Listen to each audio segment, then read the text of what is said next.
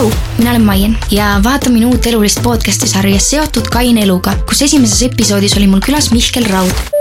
vaata Sky.ee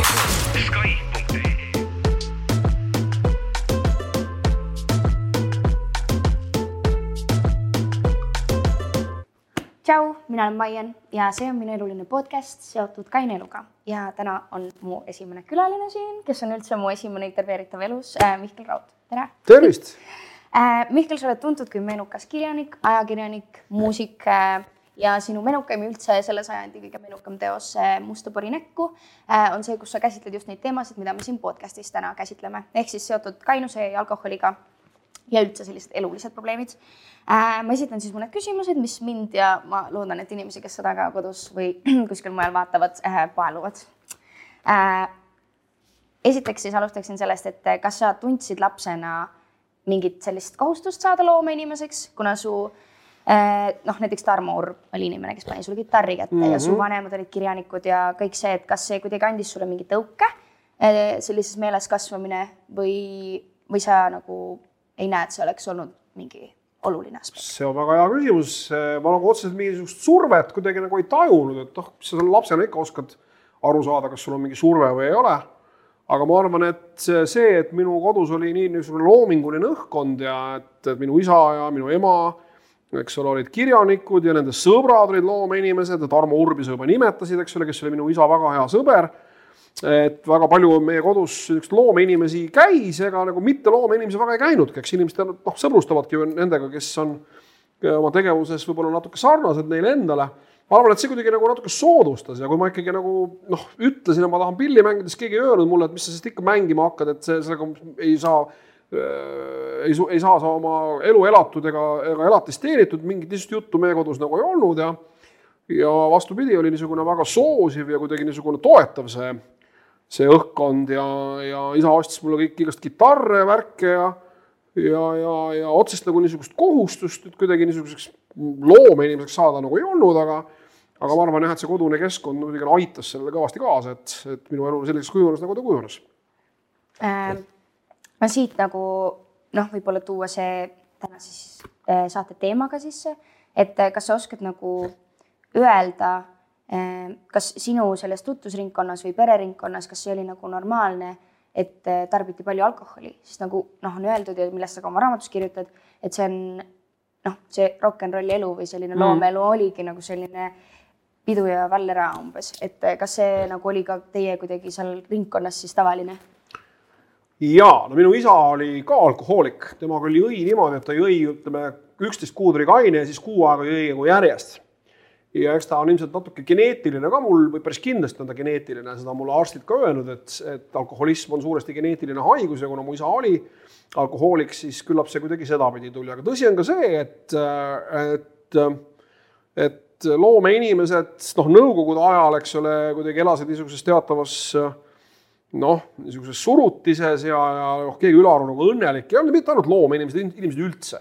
Nõukogude ajal olid inimesed ikka küll nagu noh, olid ikka palju rohkem täis, kui nad nagu tänapäeval on, joomine oli kuidagi nagu, nagu laiem nähtus. ja, ja noh, minu kodus muidugi ma, ma, ma teadsin, mis asi on alkohol ja, ja meil käis seal igasuguseid, igasuguseid tüüpe korterist läbi isa ja ema külalistena aga mis seda niisugust rock n rolli elustiili puudutab, siis absoluutselt, see oli kindlasti üks osa sellest, miks ma, miks minust kiiresti alkohoolik sai. et ma hakkasin mängima kaunis ikkagi õrnas eas, ma olin vist kuueteistaastane, kui mind kutsuti Singer Vingerisse ja ja, ja võib-olla kõik meie vaatajad ei tea, aga kui te vanaema käest kodus küsite, siis ta räägib teile, et see oli täitsa populaarne ansambel kaheksakümnendatel aastatel. mina tean. ja, ja see oli niisugune bänd, mis ikka sõitis mööda Eestit ja, ja noh, ikka praktiliselt üks, üks nagu kõvemaid bände niisugune kaheksakümnendate keskel ja no kujutad ise ette, eks ole, kui sa kuueteistaastasena sellisesse bändi satud ja, ja kõik see niisugune joomise ja naiste värk ja ega see oli olemas ju siis ka. naisi võib-olla oli veidi vähem, aga joomist oli, oli, oli selle võrra jälle kõvasti rohkem. ja loomulikult see elustiil ja noh, see niisugune teatav ka niisugune jah, nagu sa väga õigesti viitasid, niisugune teatav, võib-olla sealt tuli see surve, et sa pead kuidagi selle niisuguse rokimehe nagu nagu staatuse kuidagi nagu ka väljaspool lava välja kandma ja, ja eks siis selle võrra siis suruti rohkem seda alkoholi ka sisse. nii et absoluutselt, see oli kindlasti üks osa. aga teine osa, ma mäletan, oli ikkagi see, et purjus oli päris mõnus olla ei ole ikkagi midagi paremat, kui teise päeva hommikul peale ränka joomist äh, noh, nagu pits viina ära teha ja, ja siis tunda, kuidas äh, tiivad seljas hakkavad nagu suuremaks kasvama. Et lihtsalt oli, oli, oli nagu mõnus, noh, kuni teatud piirini muidugi. Aga sa ise juba nagu ütlesid, et sinust sai alkohoolik, et kas sa oskad tuua välja mingit äh, sellist põhjust või hetke või nagu noh, see Singer-Vinger kindlasti ja see selline rokielu, aga mingit nagu täpsemat olukorda, kus sa nagu said aru või mõistsid, et see on probleem ja sa võib-olla ei joo nii, nagu oleks nii-öelda normaalne tarbida? kusjuures huvitaval kombel äh, niisugune hetk täiesti oli olemas, see oli, ma enam aastat ei mäleta, kusagil, ma käisin veel keskkoolis ja oli üks suvi jälle ja ma olin kuskil jälle mingisuguses kümnepäevases tsüklis ja ja ma mäletan, ma läksin äh, Eesti Raadiosse andma intervjuud äh, saatesse Soovid, soovid, soovid oli üks niisugune populaarne raadiosaade, mida Tõnis Erilaid tegi.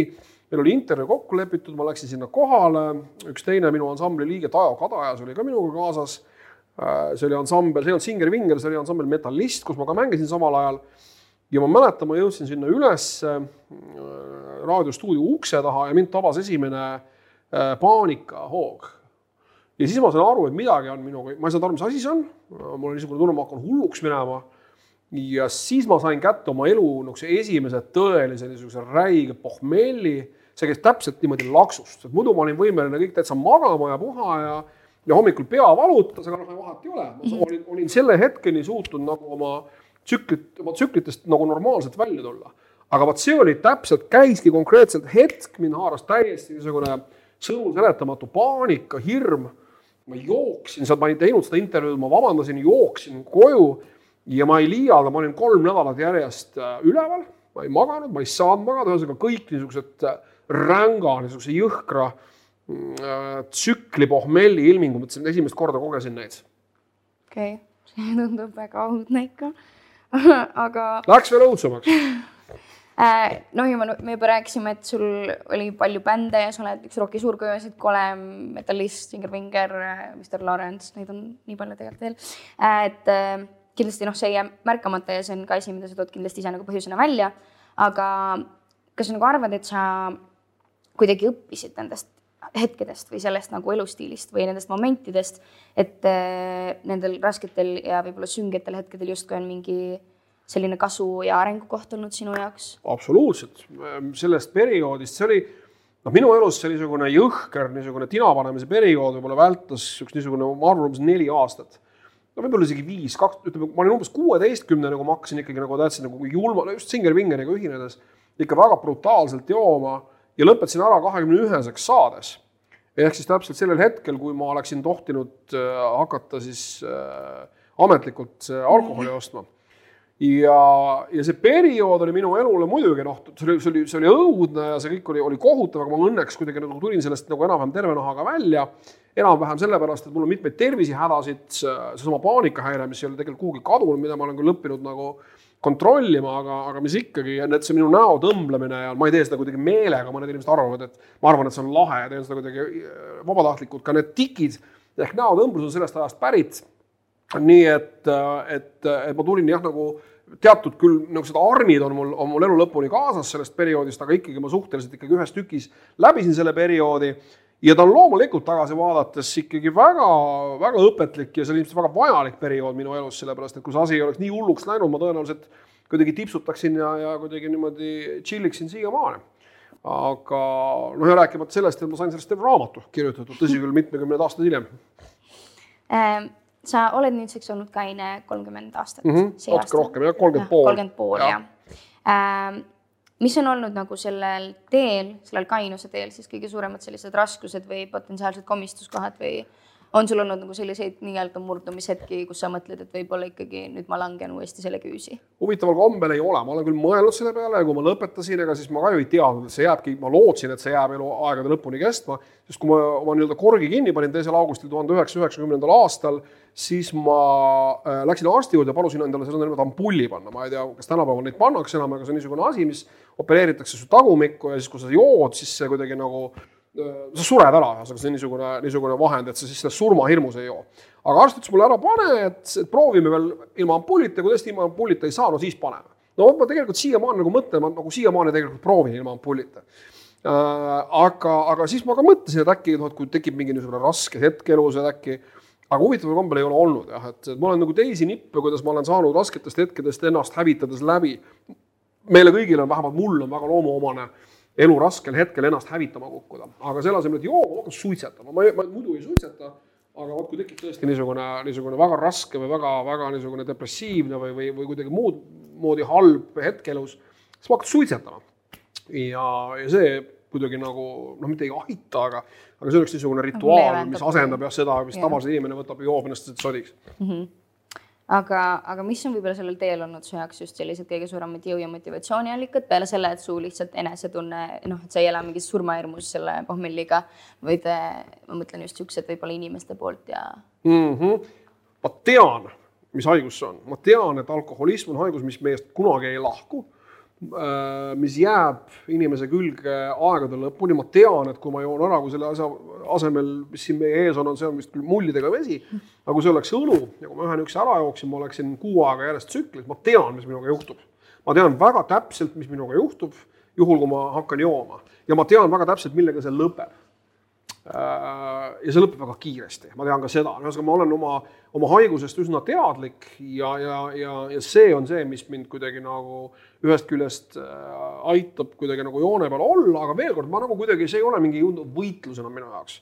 võib-olla esimene aasta oli niisugune, noh, tead ikka sõbrad, aga, aga nüüd on kuidagi see, ma nagu üldse ei mõtle selle peale, ausõna. kohe nagu juba viisteist aastat ma ei ole selle peale niimoodi mõelnud aeg-ajalt äh, ma räägin sellest ainult siis, kui tõesti keegi niimoodi nagu sina kutsub ja küsib ja et noh, räägime sellest. ma, ma tõesti ei mõtle selle peale enam üldse praktiliselt. nojah, see vist ongi nagu nüüd noh, osa või sa oled seda ikkagi nii kaua teinud, et kui ma olen olnud siin kaine aasta aega, siis see on nagu noh, ikkagi kõvasti pikem. nojah, natukene küll natuke on jah.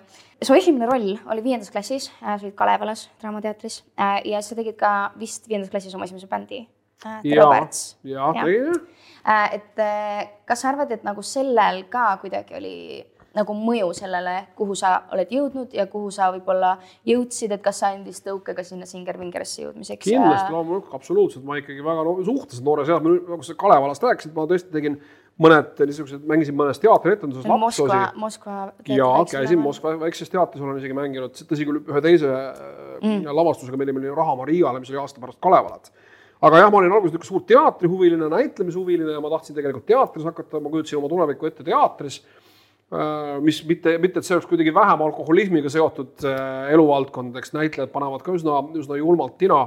ega see teise inimesena elamine igal õhtul ei ole, ei ole lihtne töö ilmselt. aga, aga siis see teatrihuvi kuidagi jah, asendus muusikahuviga üsna varajases eas ja muidugi noh, loomulikult, eks ta mingit mustrit hakkas juba üsna varajases eas ette kasvatama et äh, ja, ja, et äh, muusikuks ei, ei tasu hakata juhul, kui, kui tervis kallis on. jah äh,, ja me juba rääkisime sellest, et sa olid kahekümne aastane, kui sa lõpetasid joomise ära tegelikult jah, sa ütlesid ka vist seda juba, et seal Nõukogude Liidus tegelikult siis alles tohtiski hakata alkoholi nagu legaalselt. ei, praegu on kaheksateist. võib osta kaheksateistkümneselt juba. ja osta ja juua ja. tõesti või? huvitav, mina olen kakskümmend üks siiamaani. ei, kaheksateist on jah mm,, okay. Eestis vähemalt mm. -hmm. Äh, aga noh, sa oled seda toonud välja ka varasemalt intervjuus, et sul oli selline surmahirm ja noh, et sa ikkagi täiesti kartsid oma elu pärast mm -hmm. ja seetõttu siis sa tegidki nagu väga noorelt selle elu muutva nii-öelda otsuse. aga kas sul on nagu mingi selline nagu enda kuidagi mälestus või mõte ka, mis sul nagu käis täpselt enne seda noh, nii-öelda siis seda teist augusti peast läbi et just lähtudes nagu enda mingitele mõtetele ja tunnetele, mitte sellele, mis võib-olla su lähedased mõtlesid ja kartsid, vaid kas sul on nagu mingi kindel hetk, mis andis selle ajendi, et okei okay,, et nüüd nii-öelda homsest või siis kuskilt lähitulevikus ma lõpetan ja. selle ära. ja oli, oli.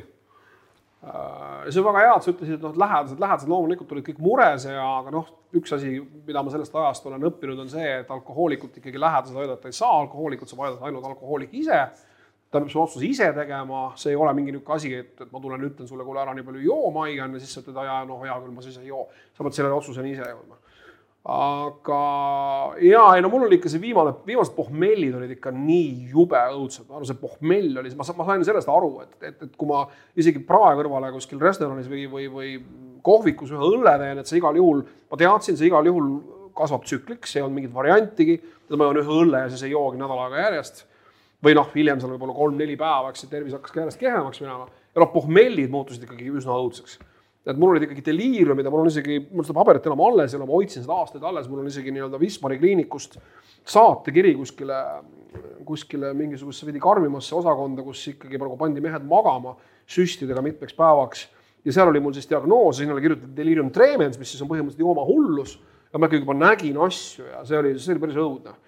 Ja, ja, ja need pohmellid ikkagi läksid nii jube raskeks, et nende tegelikult see pohmelli hirm äh, ja ma teadsin, et see pohmell saab olema iga kord nii raske, et see pohmelli hirm ikkagi oli nagu nii jube, et et see nagu tegelikult pani mu, mu otsustama mm. -hmm.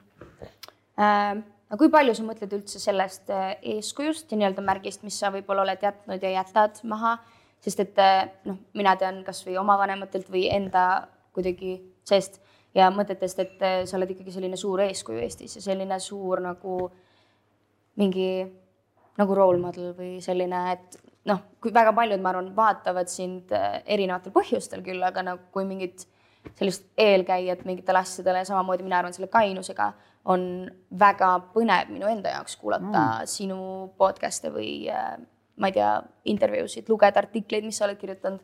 et äh, kui palju sa mõtled selle peale? Ega väga ei mõtle ausalt öeldes, et äh, ega, ega suurem osa inimesi ju tegelikult ei tea, et ma olen alkohoolik ja, ja need, kes teavad, arvavad, et ma siiamaani mm. äh, joon iga päev kaks pudelit viina äh, ega ma väga ei mõtle, ma kuidagi nagu ühel hetkel, ma mäletan kuskil ikka üheksakümnendate niimoodi võib-olla jah, kuskil keskpaigas ma ikka nagu rääkisin sellest veidi rohkem ja ja siis tunti selle vastu ka nagu huvi ja, ja ühel hetkel ma kuidagi nagu väsisin sellest ära, mulle nagu tundus, et ma muutugi niisuguseks ühe teema inimeseks ja olen huvitav ainult siis, kui ma räägin sellest, kuidas ma enam ei joo. ja siis ma kuidagi nagu ühel hetkel hakkasin ka nagu natuke mitte, mitte lausa vältima, aga ühesõnaga nagu ma kuidagi jah, pigem nagu ei, ei, ei rääkinud sellest nii palju, aga noh, nüüd on nii palju aega mööda läinud ja tõesti noh, kui sa ütled, et, et et sellest on ka võib-olla abi võib-olla mingitele noorematele inimestele, et noh, et siis, siis ma ikka muidugi noh, olen, olen valmis, olen valmis sellest kõnelema. aga, aga jah, kui ma kuidagi niimoodi, ma ütlen, ma arvan, et mind ja alkoholi seostatakse järjest nagu vähem ja vähem, mida, mida rohkem aega edasi läheb, on tulnud uued ja ägedamad alkohoolikud, kes, kes on hea meelega valmis rääkima sellest kuidas nad enam ei joo? jah, võib-olla jah, eks neid inimesi järjest tuleb ja tekib juurde ja ma arvan, et see on täiega tore, mina arvan, et see võikski olla mingi asi, mida võib-olla inimesed teeks üldiselt ka vähem, et sa ei pea olema ilmtingimata ka alkohoolik. absoluutselt nõus, absoluutselt, et, äh, et see on jah, võib-olla selline asi. Ja mina lihtsalt noh, enda kogemust ütlen, et mina nagu tõesti olen vaadanud ja lugenud sinu kohta, sest sa oled Eestis minu arust kõige sihuke nagu legendaarsem. legendaarsem joodik või legendaarsem nagu kaine inimene aga.... legendaarsem kaine inimene kõlab väga hästi. ja et äh, väga jah, minu jaoks igatahes see on väga oluline olnud. tore kuulda äh,. ja siis mul selline võib-olla veidi huvitav või veider küsimus, et äh, kas sa oskad tuua nagu sellise põhilise kontrasti, kui välja jätta nagu noh, et sul on pere ja ja kõik see äh,. aga ma mõtlen, et selline tavalise nagu argipäeva elus tuua nagu mingi suurim muutus, mis tänu sellele alkoholi lõpetamisele nagu juhtus mm. -hmm. et kuidas sa siis olid võib-olla kahekümne aastaselt ja nüüd, et mis selles hommikus erineb või mis selles mõttes? väga hea küsimus ja väga, üks väga oluline asi erineb. igal hommikul juba üle kolmekümne aasta, igal hommikul ma ärkan ja mõtlen, mul ei olegi pohmelli. kas pole imeline? Ja ma alati ärkan selles samas voodis, kuhu ma mäletan, et ma magama läksin.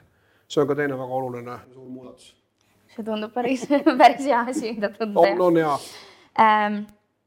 ja siis võib-olla nüüd tänapäeva kohta veidi küsida, mis su enda selline arvamus või kas sa nagu täheldad mingeid muutuseid, et äh, kas sa arvad, et see alkoholism on ajas kuidagi muutunud või kuidas ta on muutunud või siis üldse see tarbimiskultuur mm. -hmm.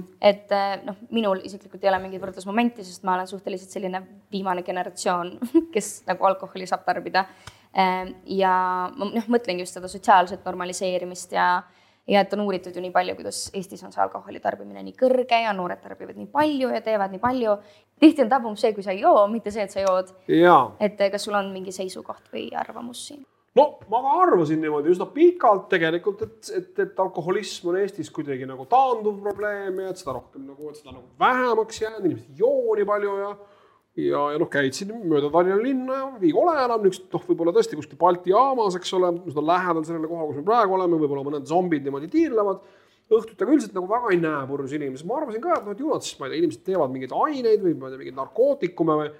kuni ma sattusin ühele, ühele üritusele, sellest on ka aastaid möödas, ma julgen arvata, et võib-olla isegi võib-olla isegi täitsa mingi kümme aastat, mängisime Singer Vingeriga mängimas Hauka laadal on üks niisugune Lõuna-Eestis väga populaarne niisugune sündmus, kus siis tullakse peredega ja seal on, noh, ongi laat, inimesed, inimesed kauplevad ja meelelahutus, õhtul on kontsert, tegelikult kontsert vist on päev otsa. ja me jõudsime õhtul, õhtu hakul siis sinna, sinna kohale, sellele laadale, sinna Laada platsi juurde ja seal avanev pilt oli küll ausalt öeldes nagu noh, silmi avavalt šokeeriv.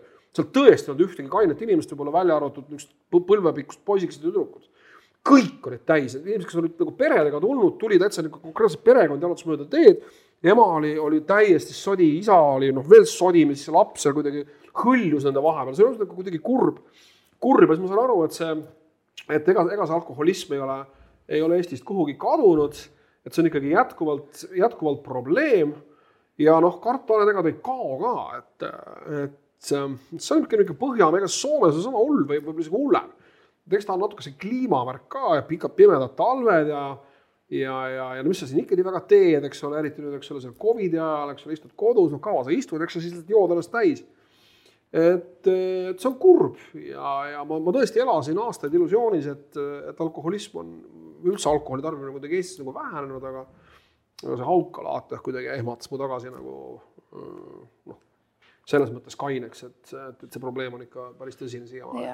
no ma ise ütleks ka, et see nagu noorte seas, ma ütleks, et nagu ma ei tea, kas see on nagu just kasvav trend, kindlasti on see, et on tulnud peale mingid muud mõjuained, mis on nagu minu arust järjest nagu vabamini kättesaadavad kindlasti inimestele, mis on loogiline tegelikult.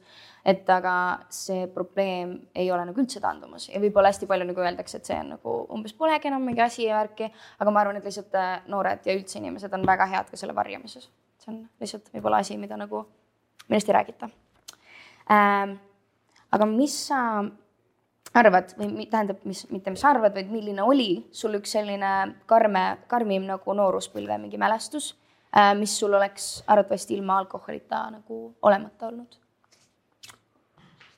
vot eks aju on kuidagi selektiivne, mälu on selektiivne, inimene unustab ära need kõige hirmsamad ja kõige õudsemad asjad, aga aga eks ma muidugi ikkagi nagu tegin ennast ikkagi suhteliselt nagu lolliks nagu kogu maailma ees, eks ole, läävakil teinekord kuskil püksid rebadel kuskil sõpruse kino ees, eks ole, kell kaksteist päeval lihtsalt kusta süüdimatult, sa oled nii sodi ja üldse midagi elust aru ei saa ja ja siis tuttavad lähevad mööda ja võib-olla vanemate sõbrad ja võib-olla kirjanikud ja ja see kõik oli kuidagi jõle piinlik. Ja mul oli niisugune, niisugune naljakas traditsioon, et kui ma siis olin tsükli ära lõpetanud, siis ma panin alati mingi ülikonna endale selga, pesin ennast puhtaks, noh muidugi kõigepealt pidin pohmellist, sellest tsüklist välja tulema, pohmellist ka. siis panin endale ülikonna selga kuidagi, ma olin niisugune väga viks ja viisakas ja käisin kõikides nendes kohtades, kus ma olin äh, võib-olla nädal aega varem, eks ole, äh, noh, püksi sittunud. Kõigi inimeste ees, et jätta niisugune noh, kuidagi justkui nagu registreerida, et ei ole ma nii hull ja lootusetu midagi. Uh,. Aga niisugust, ma ütlen veel kord, et mälu hästi nagu äh, pigem nagu üritab ära unustada, eks neid oli, oli kindlasti päris hulle ja päris jubedaid hetki ja ja, ja, ja asju, mida ma, mida ma noh, kindlasti kaine peaga teinud ei oleks, aga, aga ma ei suuda kuidagi nagu praegu mingi ühte niisugust kuidagi eredamat või kuidagi dramaatilisemat meelde tuletada, et eks oli noh, eks neid oli igasuguseid, aga ma arvan just see, et ma kuidagi olin nagu noh, ikka võisin välja näha ikka üsna niisugune trööstites, tõesti niisugune täis kustud pükstega kusagil päisepäeva ja kuskil Ararati poe taga kuidagi tudiseda koos mingite teiste zombidega, et ma arvan, et see oli juba piisavalt õudne küll. kas sa oled muidu üldiselt ka nagu sõltuvusliku iseloomuga? väga, väga. et kõik asjad, mis meeldivad või mingit naudingut pakuvad, jäävad kohe külge? väga mm., väga.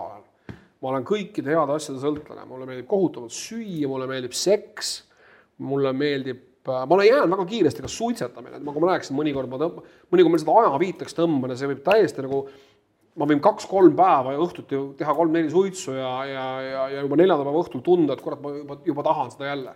eks see on muidugi väga hästi nagu, nagu psühholoogiline ja selline füüsiline sõltuvus, eriti mõnuainetest tekib tegelikult veidi kauema mm. aja jooksul, kui me arvame, et ta tekib aga psühholoogiline, psühholoogiline kindlasti, et ma olen väga aldis igasugustele sõltuvustele. välja arvatud hasartmängud kummalisel kombel et ma olen käinud kasiinos ja niimoodi proovinud lihtsalt huvi pärast vaadata, aga ei, ei juhtunud kuidagi nagu midagi. väga huvitav. jaa ja., huvitav. minul šokolaadi sõltuvus selline küsimus veel, et kas äh, sul tekkis äh, mingisugune plokkperiood, kui sa nagu kaineks hakkasid, sest et kui sa olid nagu harjunud ikkagi aastaid funktsioneerima nagu täispeaga ja mingi mõju all, siis äh, kas sul nii-öelda seda rokkeri elu oli nagu raske elada edasi niimoodi, et sa olid nüüd teisest augustist kaine?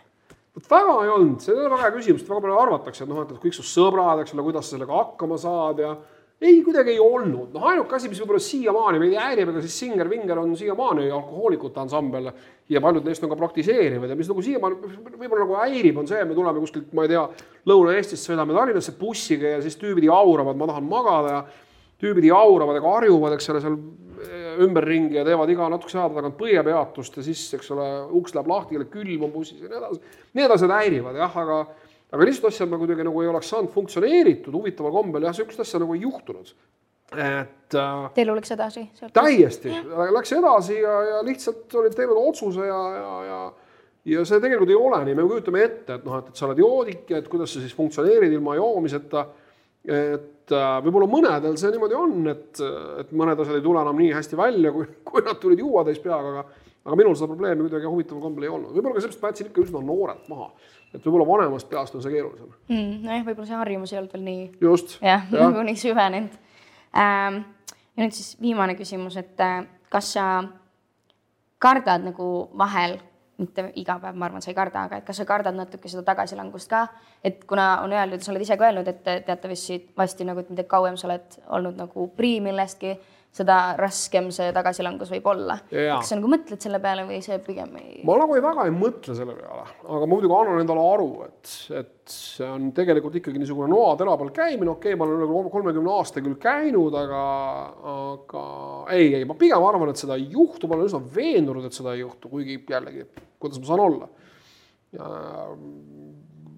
mitte jah, ei väga nagu ei karda või nagu ma ei, ma ei, nagu ei mõtle selle peale, et, et ma arvan, et see esimene kui ma tõesti peaksin otsustama, et noh, ma nüüd, ma ei tea, hakkan uuesti jooma, ma küll ei tea, mis asjaoludel see võiks juhtuda. et ma ikkagi nagu mõtlen väga tõsiselt seda esimest äh, pitsi võttes, et ikka nagu pikk tee käidud. jaa, absoluutselt, ma just täpselt see, et kurat, ma olen kolmkümmend aastat, ma kujutan ette, et see süümekas võib olla ikka räme tärkad esimese paugu järel hommikul pohmelliga, kurat, ma olen üle kolm, kolmkümmend aastat suutsin. miks ma nii tegin, et yeah. pigem mitte jah. olgu, aga see on kõik minu esimese, elu esimese intervjuuga. väga Aitäh. hästi, väga hästi tuli välja sul. väga tore mm, -hmm. et sa olid nõus no, rääkima. muidugi, suurima rõõmuga ja näeme juba järgmises episoodis